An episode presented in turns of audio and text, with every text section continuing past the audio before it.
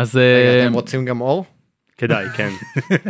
האווירה הרומנטית, האווירה הרומנטית. הרומנטית עם לב מחממת לי את הלב.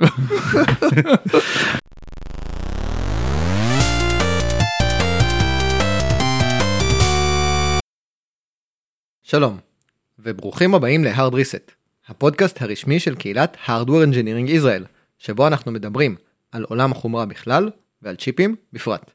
אני יובל קוגן, מהנדס וריפיקציה, בוגר חשמל פיזיקה, סקרן בלתי נראה, ומאזין מושבע של פודקאסטים. אני ליאור שרמן, מהנדס וריפיקציה, ואני לא הייתי בפרק המקורי. אני שי אוליבר, מהנדס DFT, ואני לא יודע על איזה פרק מקורי הוא מדבר. אז יובל, ספר לנו, מה על הפרק היום?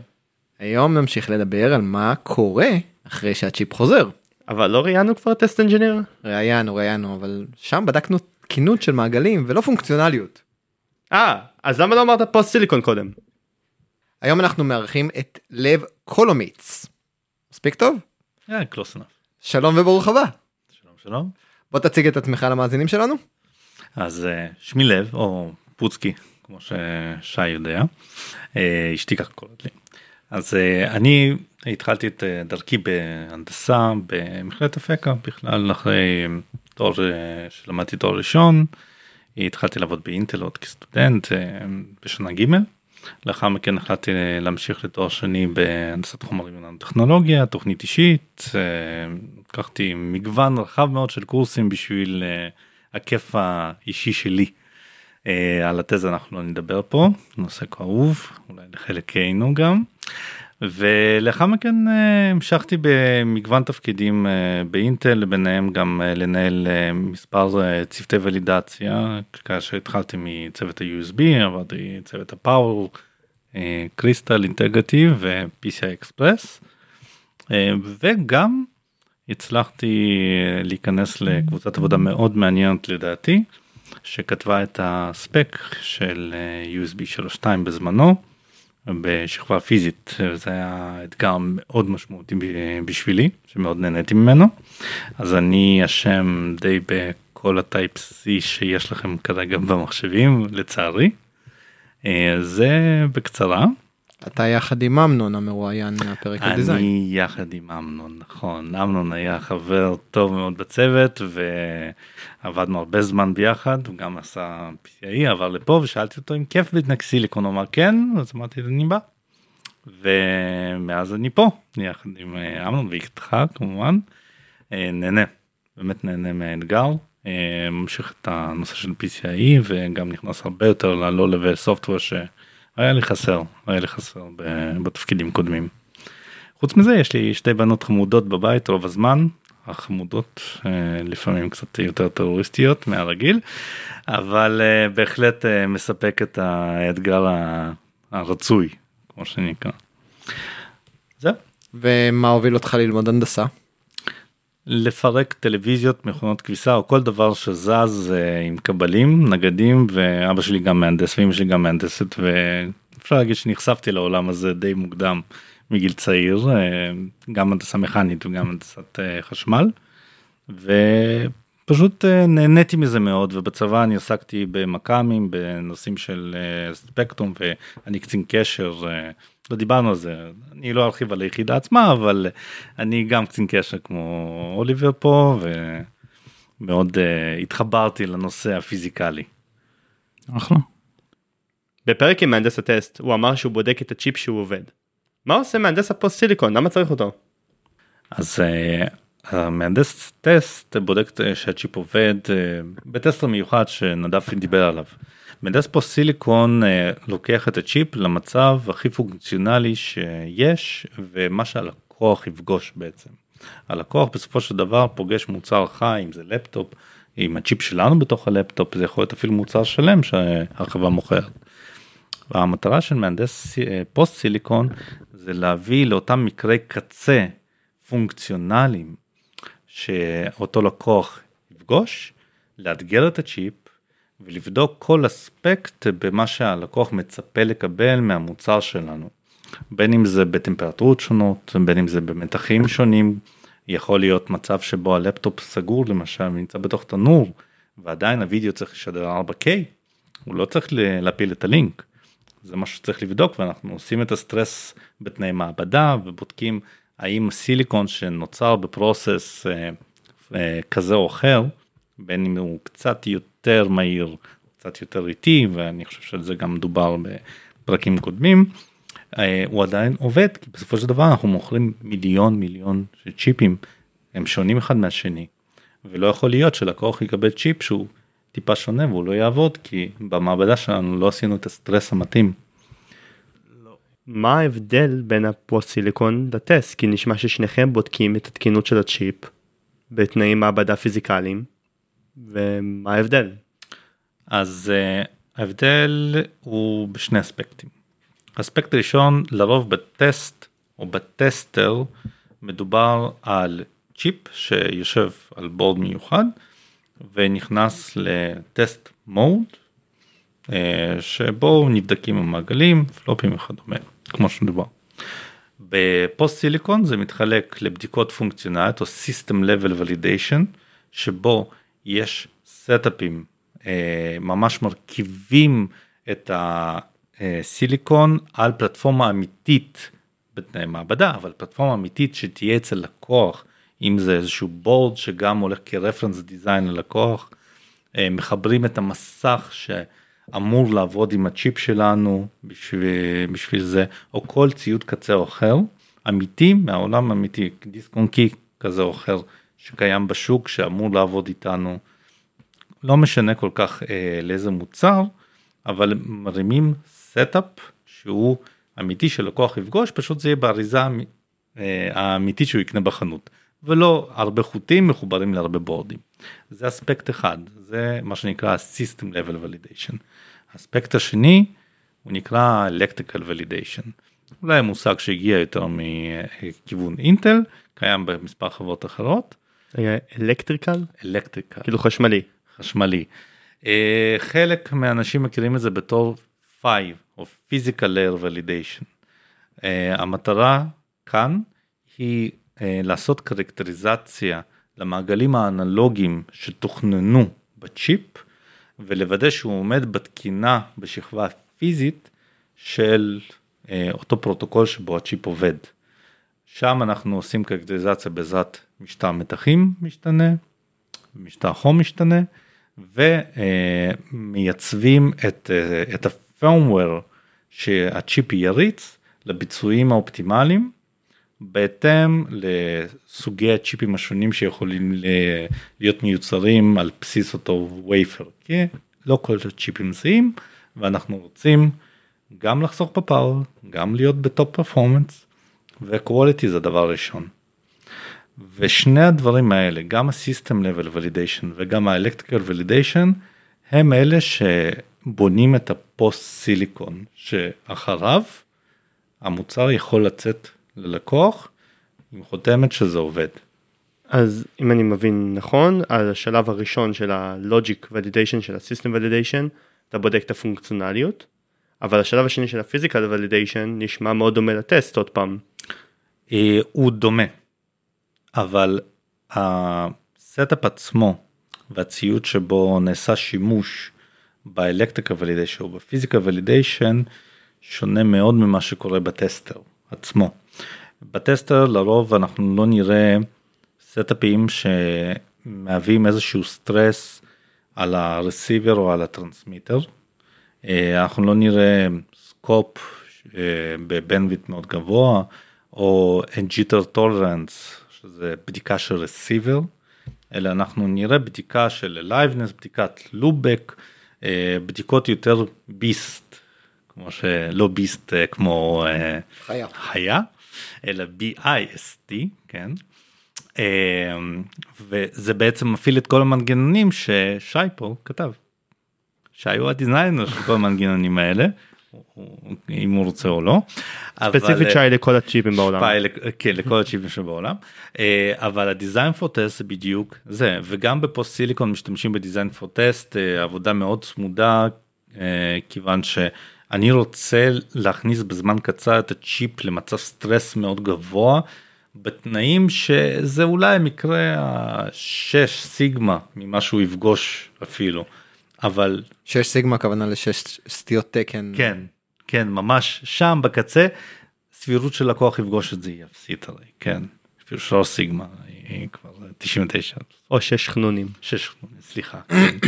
אה, אז אה, אז כן משתמשים בזה אבל קודם כל מה שהלקוח אמור לקבל חייב לעבוד. דיברת על תנאי מעבדה, זאת אומרת לחמם את הצ'יפ, להכניס אותו לסטרס, מגניב, נדבר על זה בהמשך.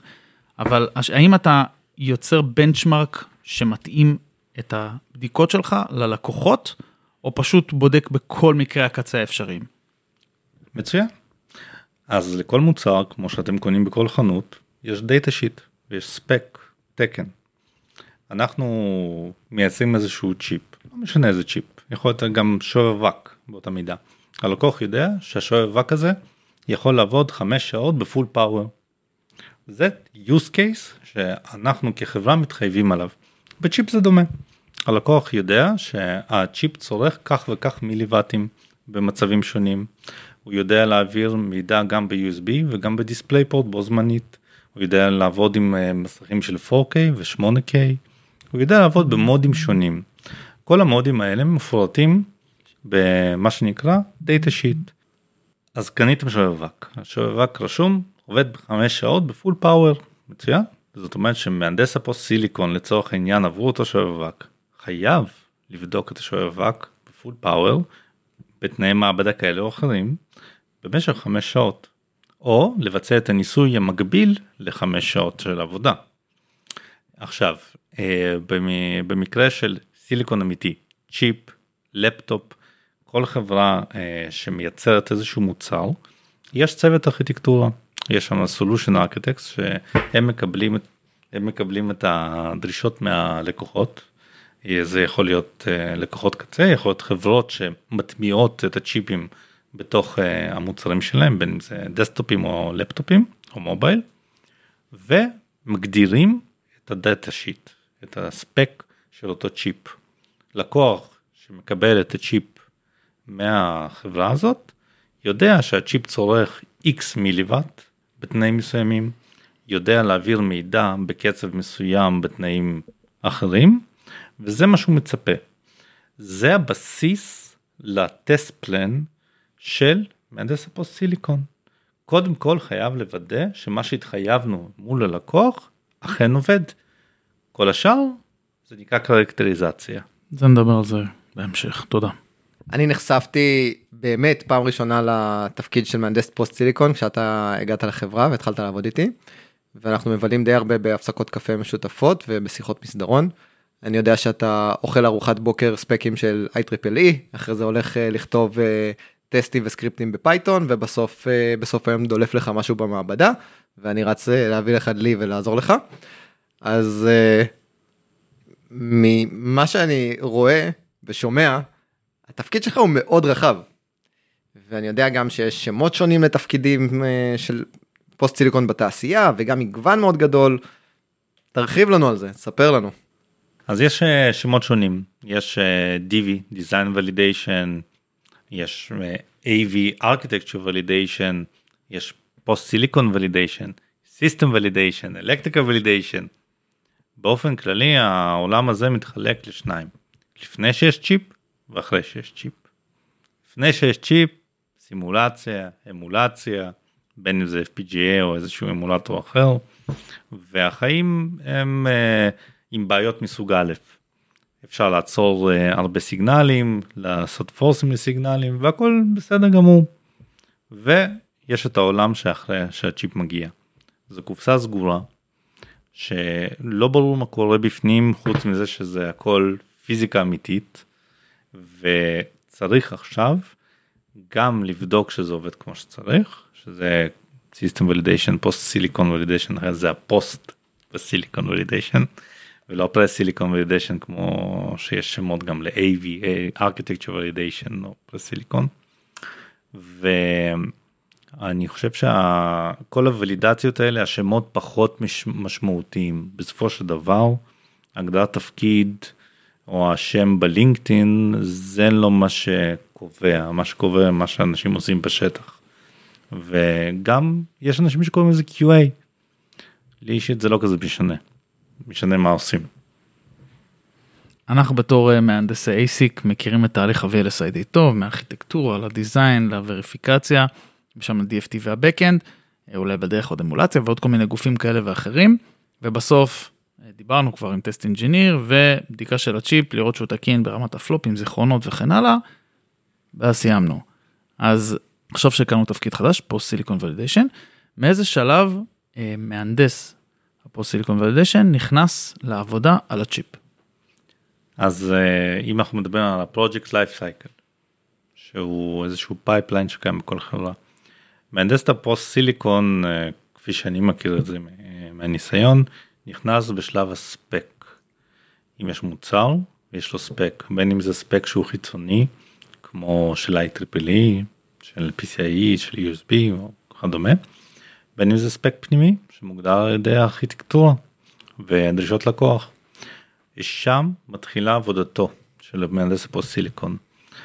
גם מלהבין את הספק, להבין את ה-use cases, להבין מה הוא בכלל צריך, איזה ציוד הוא יצטרך, יש ציוד שהוא לא קיים אפילו, וצריך ליצור קשר עם הוונדורים השונים בתעשייה כדי לפתח איתם ביחד את אותו הציוד uh, שיגיע עוד שנה. כשאתה מדבר על ציוד אתה מדבר על צבד ציוד בדיקה למעבדה שאתה כן. מתכנן לבנות לצ'יפ העתידי. בדיוק. אה, יצא לי לא מעט פעמים לעבוד עם אה, חברות צבד על לבנות סיליקון שלהם ביחד איתם כדי שהוא יגיע עוד שנה לסיליקון שלי שיהיה לי מה לבדוק.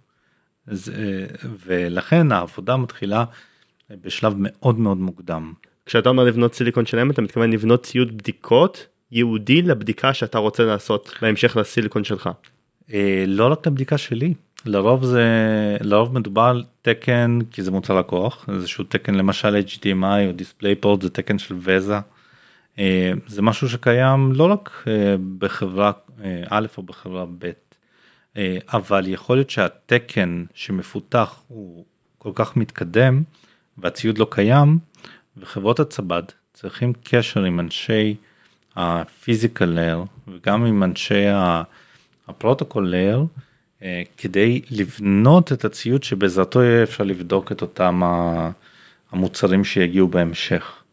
וזו עבודה מאוד מעניינת, אה, מקבלים הרבה פרוטוטייפים, אתה נמצא literally בחזית של פיתוח לא רק המוצר שלך אלא של הסביבה. מדובר על collaboration אה, שהוא נמצא בארגונים הכוללים מספר חברות אה, מובילות בשוק. רגע, אם אני, אם אני מבין נכון, אז כשאתה מפתח את ה-HDMI, אין כבל HDMI לבדוק אותו. בדיוק. אז צריך לפתח את הכבל HDMI לצורך הבדיקות כדי לפתח את ה-HDMI. נכון. אז בהתחלה עושים מודלים, מסמלצים, אם זה סימיולינק, מטלאב, מנסים להרכיב את הספק. חלק מהעבודה שביצעתי למשל ב-USB זה להגדיר את התקן יחד עם עוד חברות אחרות כדי שהדברים יעבדו. גם אם החברות מתחרות אחת בשנייה במוצרים שלהם, בסופו של דבר הלקוח רוצה לקנות לפטופ, הוא רוצה לקנות איזשהו device, ושזה יעבוד לו, ולא מעניין אותו בכלל הנושא של אם זה חברה א' או חברה ב', הוא פשוט רוצה חוויית משתמש. ולכן יש נקודות השקה בין חברות שהן מתחרות על אותו סקטור, כדי לבנות תקן שבאמת עובד, ועבודה הנדסית אמיתית. ומגיעים למוסכמות ועושים ביחד עבודה מתמטית ועבודת מעבדה וכנסים משותפים טכניים גם עם חברות הציוד בדיקה וגם עם מוצרים של חברות מתחרות ביניהם כדי לראות שכל האקו סיסטם כמו שנקרא עובד. יופי תודה. אז אה, הבנו את התפקיד שלך אתה עובד על הצ'יפ אה, גם לפני שהוא מגיע מהפאב וגם אחרי שאתה בודק אותו. מתי אבל העומס בעבודה בפרויקט הופכת להיות משמעותית בסייקל החיים של, העבודה, של העבודה שלך? אז הזכר, הזכרת את המילה סייקל. זה, זו מילה אמיתית, סייקל ולידציה, זה, זה המושג שאנחנו חיים איתו ב post silicon. מדובר על פרק זמן מרגע הגעת הצ'יפ למעבדה מה שנקרא power on או bring up, כל חברה קצת קוראת לזה אחרת, עד אשר אנחנו צריכים לספק את מה שנקרא Engineering Samples. ES1, Engineering Sample 1, ES2, ולאחר מכן זה יכול להיות או tape out של step נוסף, או זה יכול להיות uh, מה שנקרא PRQ, שזה uh, Production Quality, זה החותמת הסופית שהצ'יפ יכול לצאת ללקוח לייצור המוני. סליחה רגע, אתה לא מכריז על PRQ. אני, אני לא מכריז על PRQ, יש קבוצה אחרת, אבל בלי הפוסיליקון רפורט, אני לא ראיתי עוד PRQ שיוצא. זה נכון, קרקטריזציה וניתוח מעמיק של הסיליקון, קבוצה שלך חד משמעית. אז הלחץ האמיתי בפוסיליקון, גם אם עשית את כל ההכנות לפני כן ורצת את הכל באמולטורים וכתבת את כל הקוד ובדקת והכל בסדר, מתחיל בפאורון. בפאורון הסיליקון מגיע למעבדה, כלום לא עובד בדרך כלל. באמת, כלום לא עובד כי לא חיברו את זה לחשמל. חיברו את זה לחשמל, הכל עובד. רק שאלה, קודם כל זה ממש יפה. נשים אה, שאלה מעניינת שקשורה לזה, כשאתה דיברת על power on, הסיליקון מגיע למעבדה. האם אתה מקבל את זה אחרי שזה עבר אצל ה test engineer או לפני שזה עבר אצל ה test engineer? זה תלוי כמה engineering manager שלנו אה, רוצה לקחת סיכונים. יש engineering managers שאומרים תביא לי bin 1 תסנן תבדוק שזה בכלל חי אז נביא לך למעבדה משהו חודש אחרי כמה שבועות אחרי שזה bin 1 זה מציין שהצ'יפ מבחינת ה production עבר את כל ה test program ועבר אותו בהצלחה. לצורך העניין הבדיקות קרקטריזציה שמתבצעות ב post silicon הם על יחידות bin 1 יחידות שאנחנו יודעים שהן סבבה בוא נראה מה הוא יודע לעשות. ב power on לרוב מקבלים יחידות לא מסוננות. מגיע סיליקון יכול להיות שהוא לא יעבוד בכלל. blind assembly. blind assembly. זאת אומרת אני מתחיל לעבוד במעבדה בחושך עם כיסוי עיניים. ככה זה בערך מתחיל. אחרי כוס 2 של וויסקי מתחילה עבודה אמיתית. אני וריפיקנט, אני סטודנט, אני לא מבין מה הולך כאן כי אף פעם לא עבדתי בצד של ה post silicon. אז תסביר לי רגע. כן. הלחץ על העבודה כן. הוא מתחיל כאשר רק זה חוזר מה fab וזה תלוי האם ה post, ה post silicon manager הביא לך את זה לפני או אחרי ה test engineer. אז uh, הלחץ בעבודה קיים 24/7. מהסיבה לרוב זה בגלל שיש מספר פרויקטים במקביל יש דיבאג יש פאורון יש סייקל כן אבל בוא נדבר בעולם בוא שבו נניח- יש לך פרויקט אחד. פרויקט מתי אחד. הלחץ עולה ומתי הלחץ יורד. מצוין אז uh, מהניסיון שלי uh, הלחץ מתחיל לעלות בצורה אקספוננציאלית כחודש לפני הגעת הסיליקון.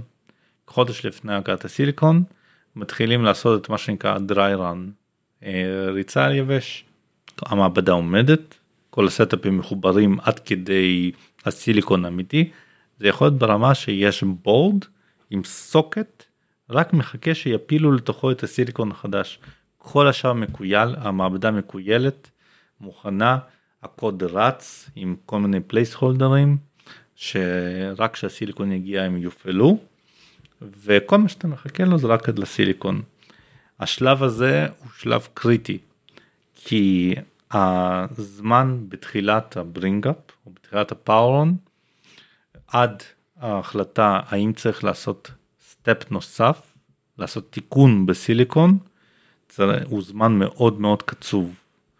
כיוון שאנחנו מתחייבים ללקוחות ל timeline מסוים, ואין מספיק זמן לעוד סטפים של סיליקון, אה, כמה שאנחנו נרצה, ב timeline כזה. סיליקון לוקח בין 8 ל-12 שבועות של אה, ייצור, אם נתת למפעל, ל fab, את המסכות והכל מוכן.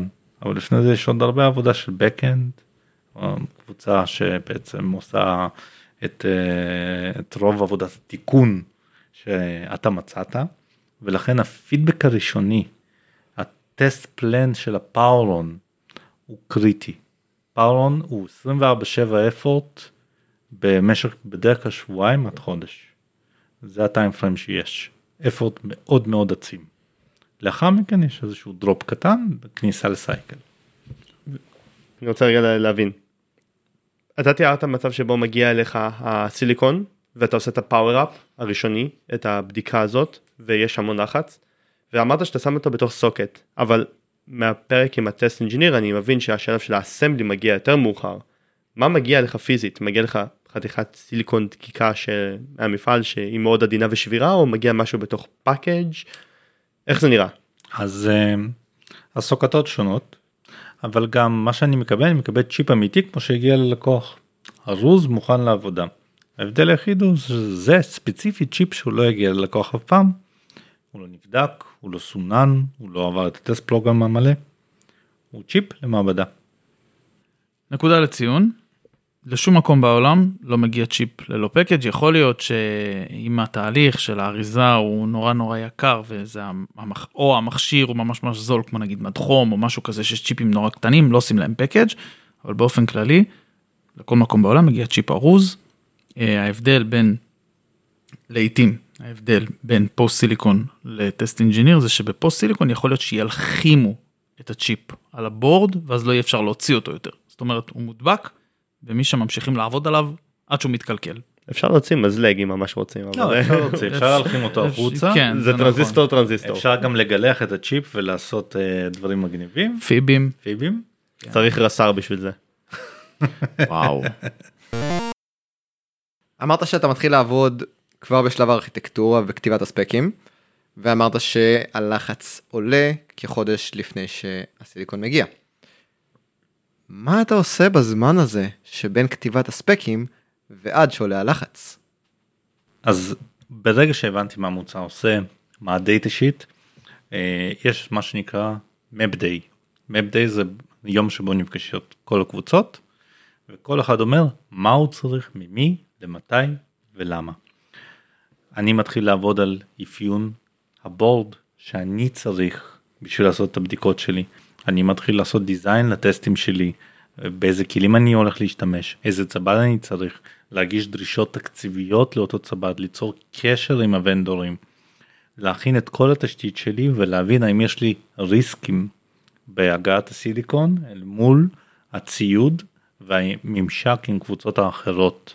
יכול להיות שיש דברים שאני לא אוכל לקבל בזמן הגעת הסיליקון מקבוצה כזאת או אחרת. יכול להיות driver, יכול להיות firmware, יכול להיות feature מסוים, יכול להיות שזה משהו שיקרה רק ל step הבא, יכול להיות שיש בעיה של הגעת צב"ד אפילו, אני אוכל לעשות חלק מהבדיקות, או פלטפורמות, כיוון שלרוב המוצרים הם cutting edge, אה, אולי אין איזשהו host למשל שאני אוכל לעבוד איתו.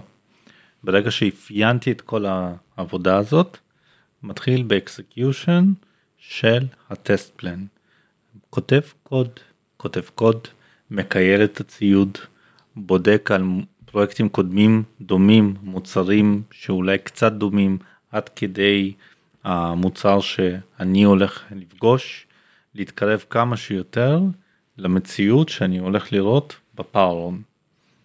זה העיסוק שלי עד הפאורון או עד הדריירן שציינתי, ששם המעבדה מוקפאת. הסברת מקודם שאתה מדבר עם חברות על יצירת הצבדים שלך. כן.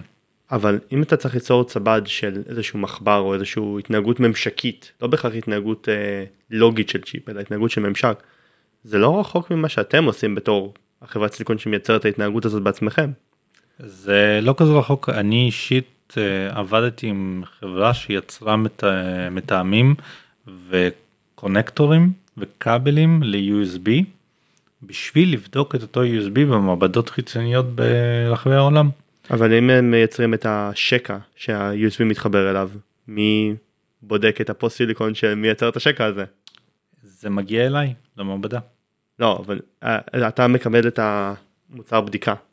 מי בתהליך הפיתוח שלה, מי בודק את מי שאתה בודק. אה, נכון. מי עושה וריפיקציה לווריפיקציה. אז בעולם הפיזיקלי זה קצת קשה. אבל מה שעושים זה את הדבר הבא. בונים מודל מתמטי, משתמשים בכלים של סימולציה ב physical layer, כדי להבין מה ההתנהגות הצפויה.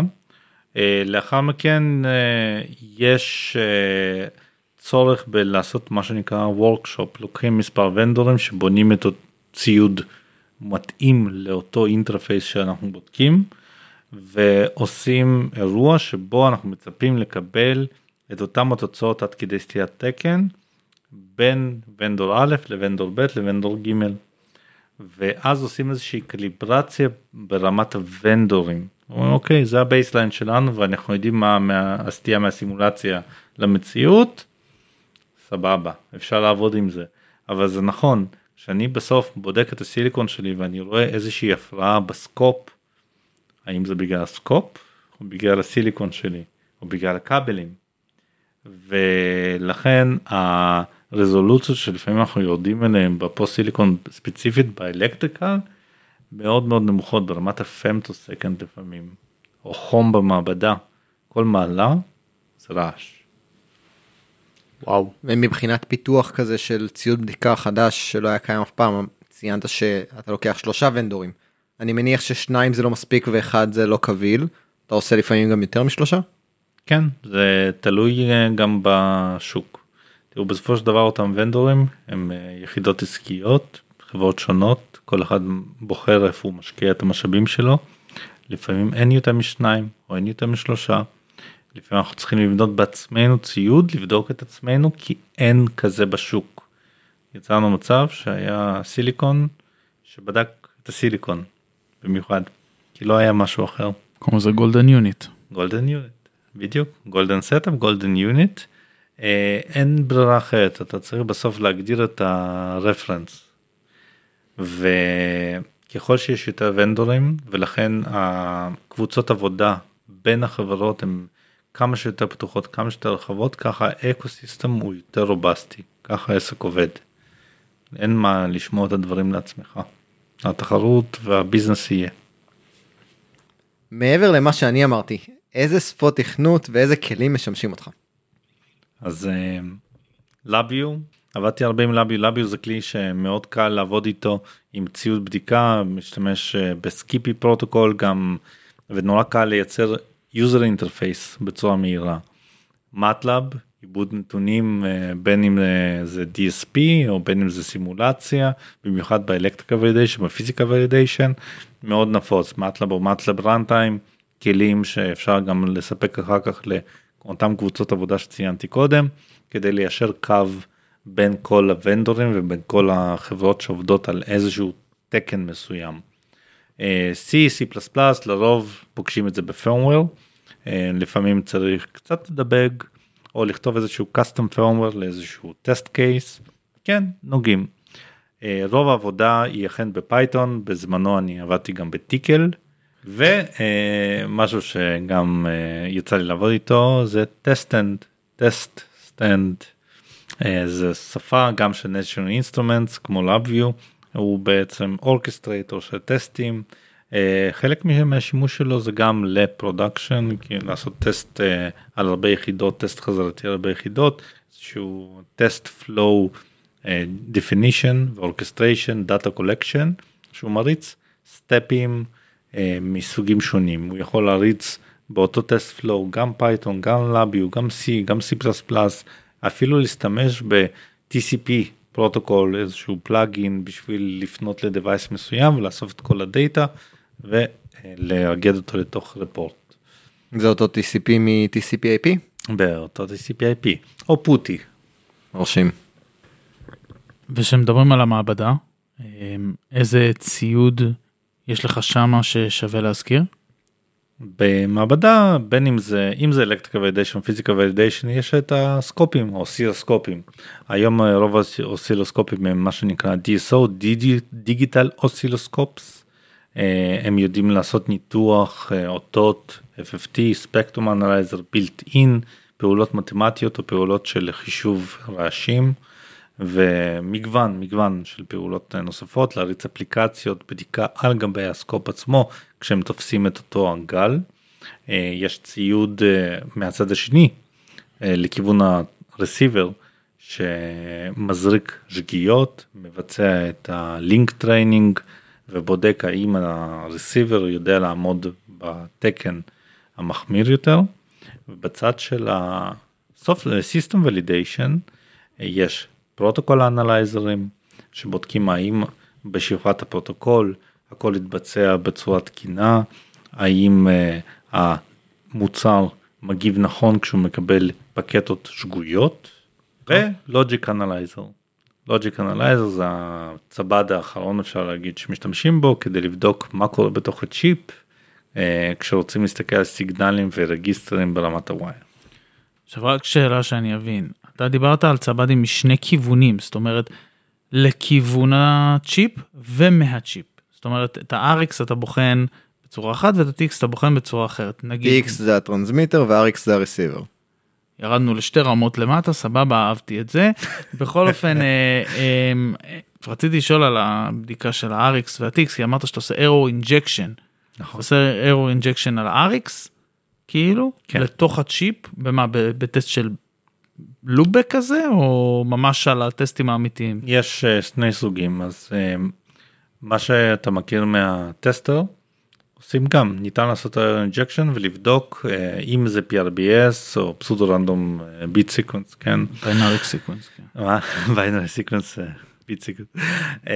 אז כיוון שה pattern ידוע ניתן לזהות את ה error ב stream ב bit stream.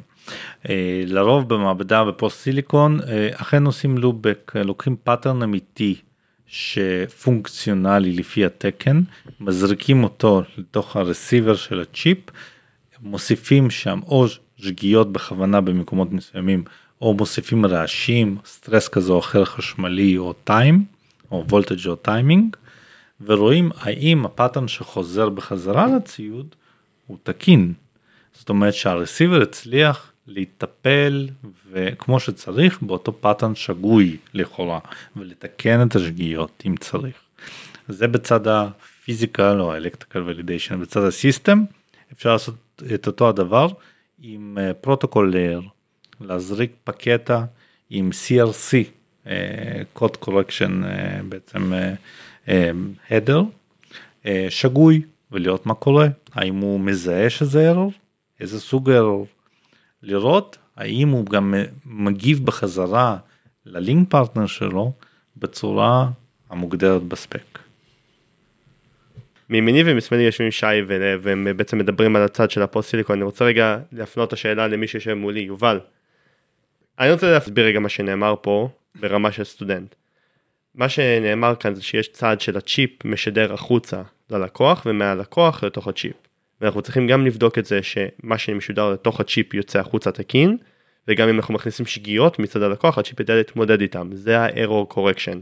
חוץ מזה הדרך לבדוק שלא עשינו שגיאות בתוך הצ'יפ ובעצם שידרנו 1 1 0 0 1 1 0 0 בלופ וזה השתבש ביט אחד בפנים זה איזשהו מושג שנקרא CRC Cyclic Redundancy Check והדבר הזה בעצם בודק שהמספר ביטים שנכנסו בפארטי יצאו נכון. זה לא רק בפארטי זה קצת מעבר אבל כן. אתנחתה קומית. כן.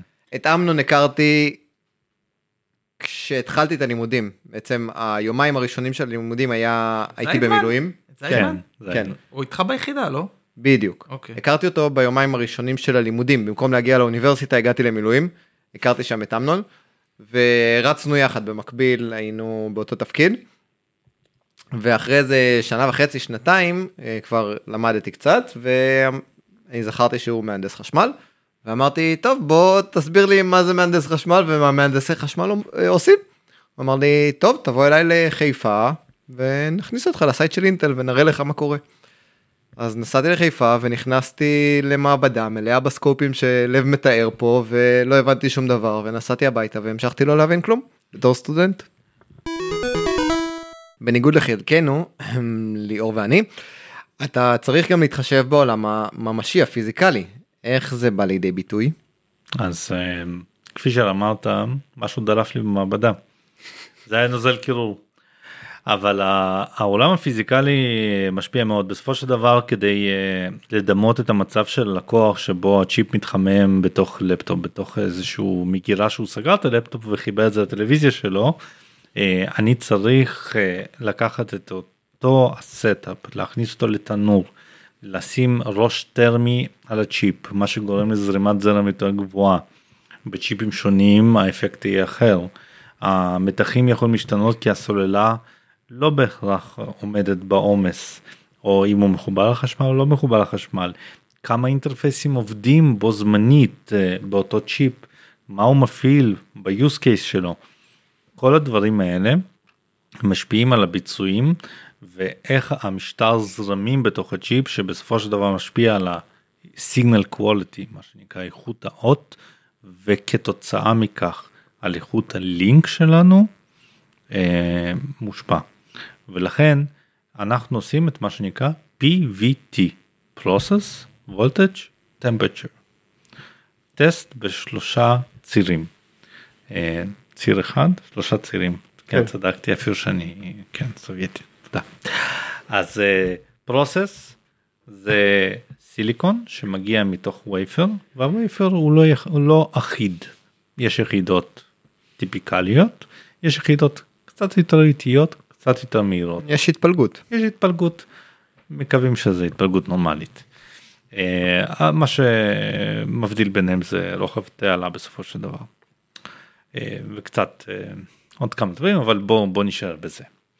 עכשיו אה, לצורך העניין יש יחידות slow איטיות צריכות יותר אנרגיה קצת יותר מתח כדי לעבוד טוב.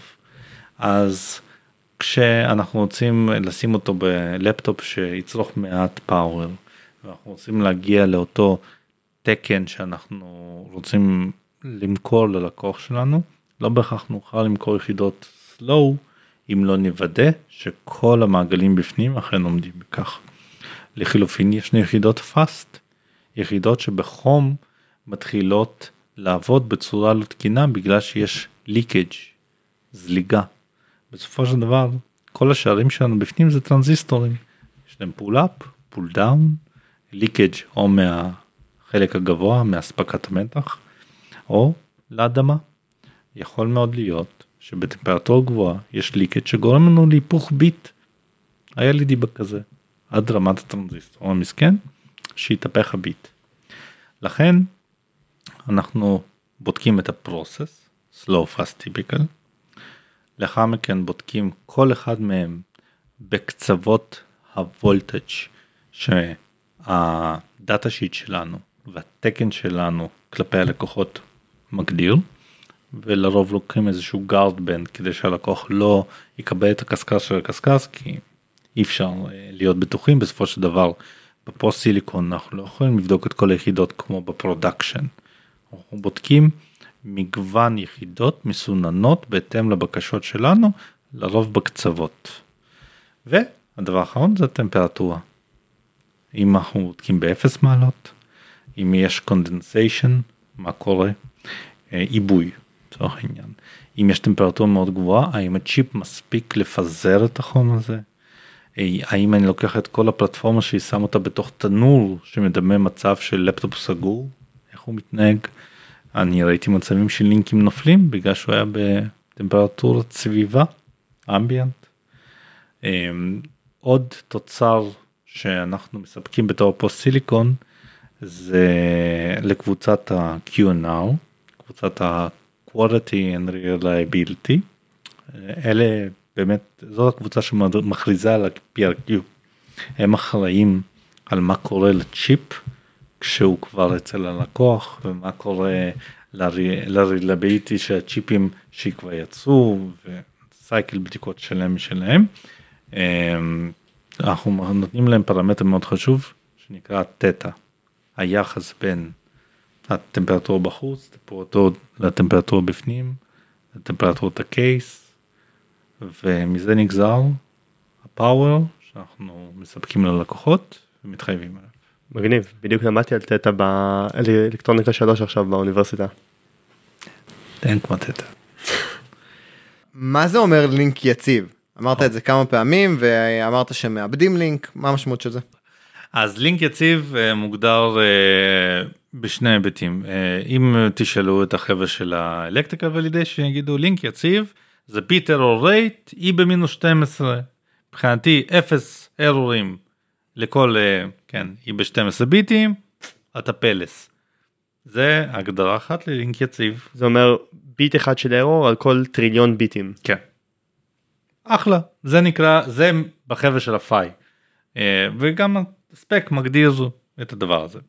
אם תשאלו את החבר'ה של ה-System Validation מה זה לינק יציב, הוא אומר אני יכול לנגן סרט או להעביר קובץ במשך שעה ואני רואה שהטרופות שלי, הטרנספר רייט שלי לא נופל, אני רואה קו ישר תמיד x מגביט לשנייה כל הזמן, אין לי נפילות.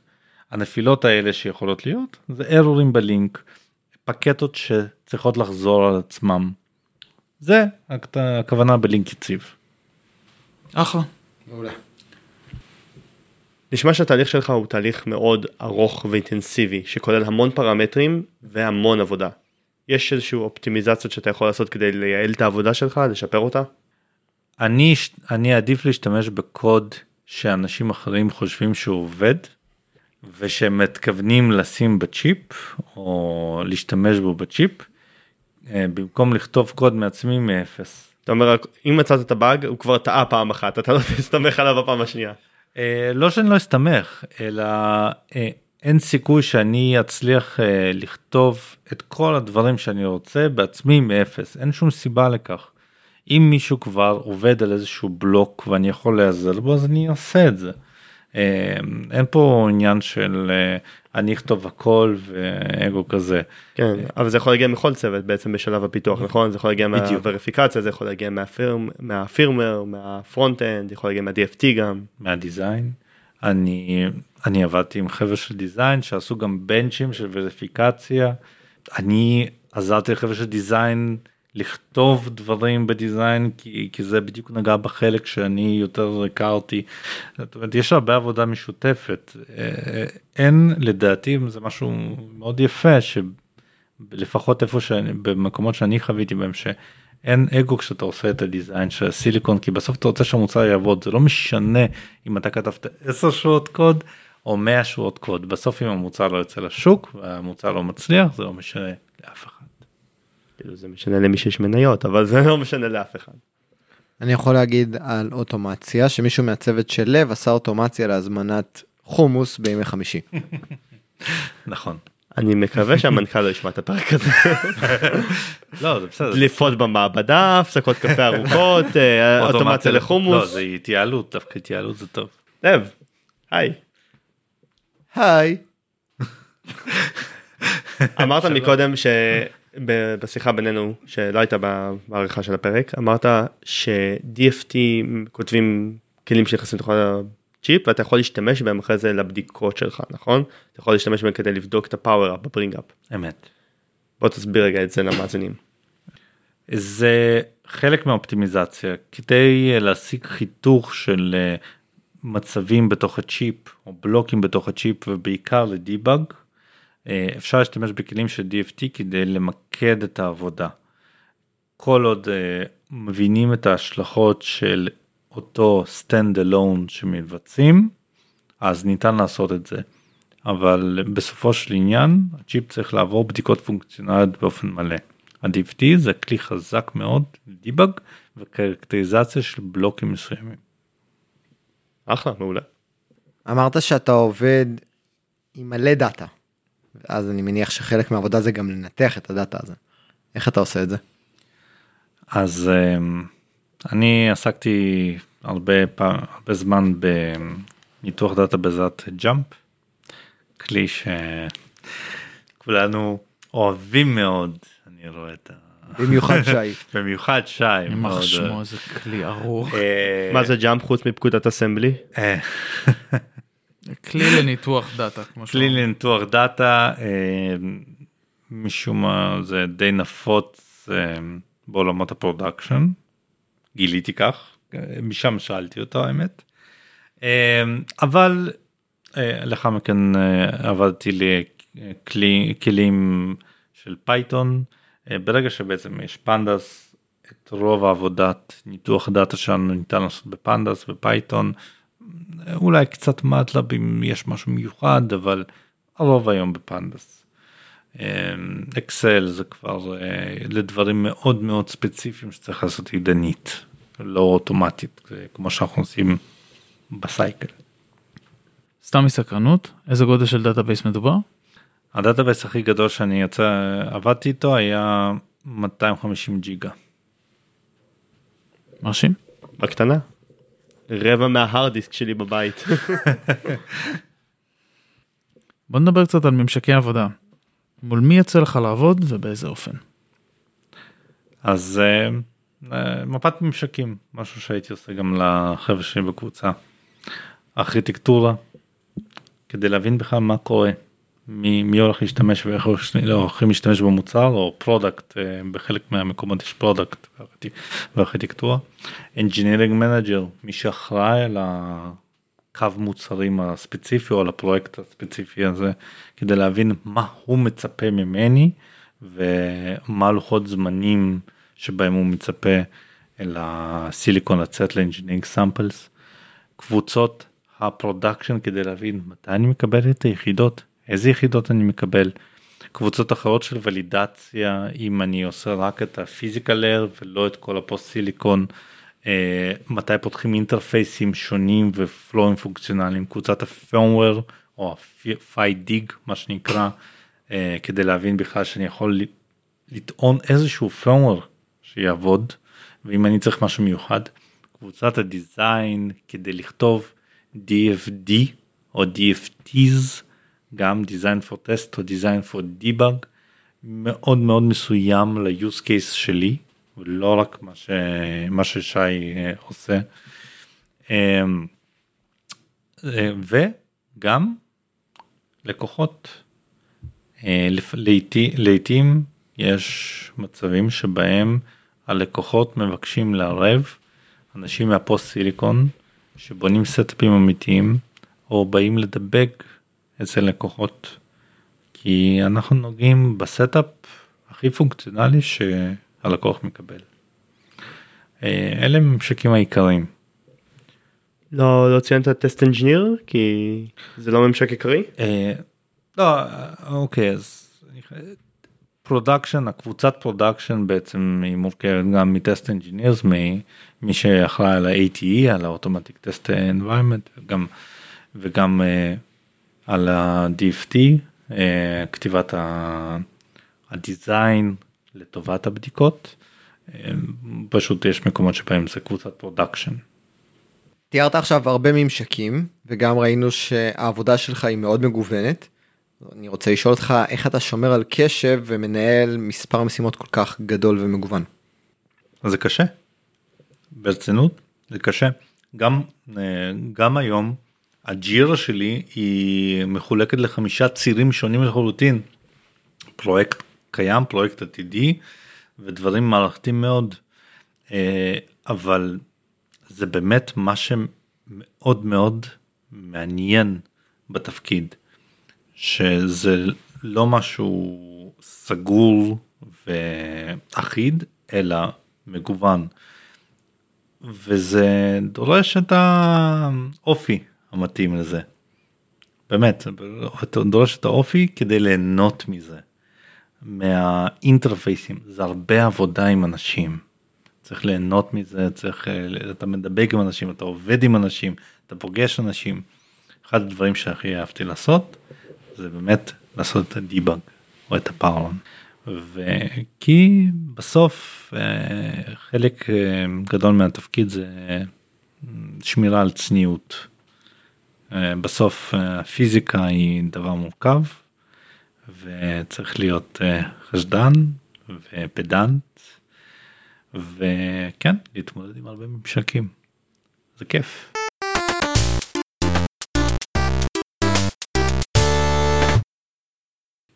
יצא לי להכיר אותך ב-CCD באינטל עוד לפני הרגע שאנחנו יושבים פה וגם אז כמו היום נראה שיש לך עבודה מרתקת. Uh, האם יש מסר שאתה רוצה לתת uh, לקהל המאזינים שלנו לא בהקשר התפקיד ספציפי גם באופן כללי. תהנו ממה שאתם עושים. stay in school don't do drugs. כן. בדיוק. שברת את שי. דבר שלאחרונה אני יכול להוריד את האוזניות זה בסדר. הטייטל של התפקיד, אה, מה שכתוב ב-work או בלינקדאין אם מישהו פתח לכם לינקדאין לינקדאין זה לא משנה. משנה מה שאתם מה שאתם עושים ואם אתם נהנים ממנו. לעתים אני שמתי לב uh, מימיי באינטל כשגייסתי אנשים שהגיעו לרעיונות ולידציה אמרו אה זה QA אז uh, זה לא שווה או דברים כאלה. אגב QA זה מעניין מאוד. אני מכיר חברים טובים שהם עושים QA וזה לא פשוט לעשות QA אמיתי ו-QA טוב. ויש אנשים שמצליחים למצוא שם דברים שבסוף גורמים ללקוחות ליהנות מהמוצרים שהם מקבלים. יש חברות שמשקיעות בזה ובצדק וזה מה שמבדיל אותם. צריך ליהנות מהתפקיד שאתם עושים ולא להיסחף רק לאיזושהי הגדרה שכתובה איפשהו. תבינו מה זה אומר. מה בפועל אתם תעשו ביום יום, איך נראה היום יום שלכם, במה אתם תעסקו. זה שהיה כתוב לי ולידיישן אנג'יניר ברוקדיי באינטל, זה לא הגביל אותי בלגשת ולכתוב חלק נכבד מהטסט ספציפיקיישן של USB. אף אחד לא אמר לי שאני לא יכול לעשות את זה כי כתוב לי electrical validation engineer. זה לא משנה. זה תלוי בכם. מה שתבחרו לעשות. אחלה speech. קנית אותי. לב, תודה רבה. תודה שהרמת את הכפפה ובאת אלינו להתארח אה, פרק והקלטת איתנו פרק על post silicon validation. אני אישית ואני בטוח שגם חבריי פה שמחנו לראיין אותך. תודה רבה. אני רוצה לציין שבתקופה האחרונה במיוחד מאז שהגעת לחברה אני קצת יותר מעורה במה מהנדסי פוסט סיליקון עושים. בעיקר בזכותך. אז אני שמח שבאת לפה ושיתפת מהידע שלך עם כל המאזינים שלנו ולא רק איתי בהפסקות קפה. אז תודה רבה. אז לב סתם אה, מילה טובה מאז אה, CCD כמו שציינתי קודם לא ראיתי אותך עד שפגשתי אותך פה הלכה למעשה אז אה, טוב לראות אותך שוב. עולם קטן עולם קטן. מאוד שמח שככה נפגשנו נפגשו דרכנו שוב כמו שאני אומר. תעשייה שלנו קטנה. אכן. עד כאן hard reset. תודה על ההאזנה וההקשבה. אנחנו מזמינים אתכם להצטרף לקהילת Hardware Engineering Israel ולשתף אותנו במחשבות ותובנות מהפרק. עקבו אחרינו בעמודים שלנו, בלינקדין ובפייסבוק. פשוט חפשו hard reset, קשה לפספס. ממליץ לכם בחום להצטרף לקבוצת המאזינים שלנו בוואטסאפ, יש שם אנשים מקצועיים ואמינים מכל התחומים שיכולים לספק לכם הרבה אינפורמציה ויכולות. יש לכם נושא שתרצו שנדבר עליו? הצעה לשיתוף פעולה? נשמח שתיצרו איתנו קשר במייל המופיע בתיאור הפרק, או בכל דרך שאתם מוצאים לנכון. אתם יכולים גם לדרג אותנו ולשתף עם חברים ומכרים. נשתמע בפרק הבא. ביי.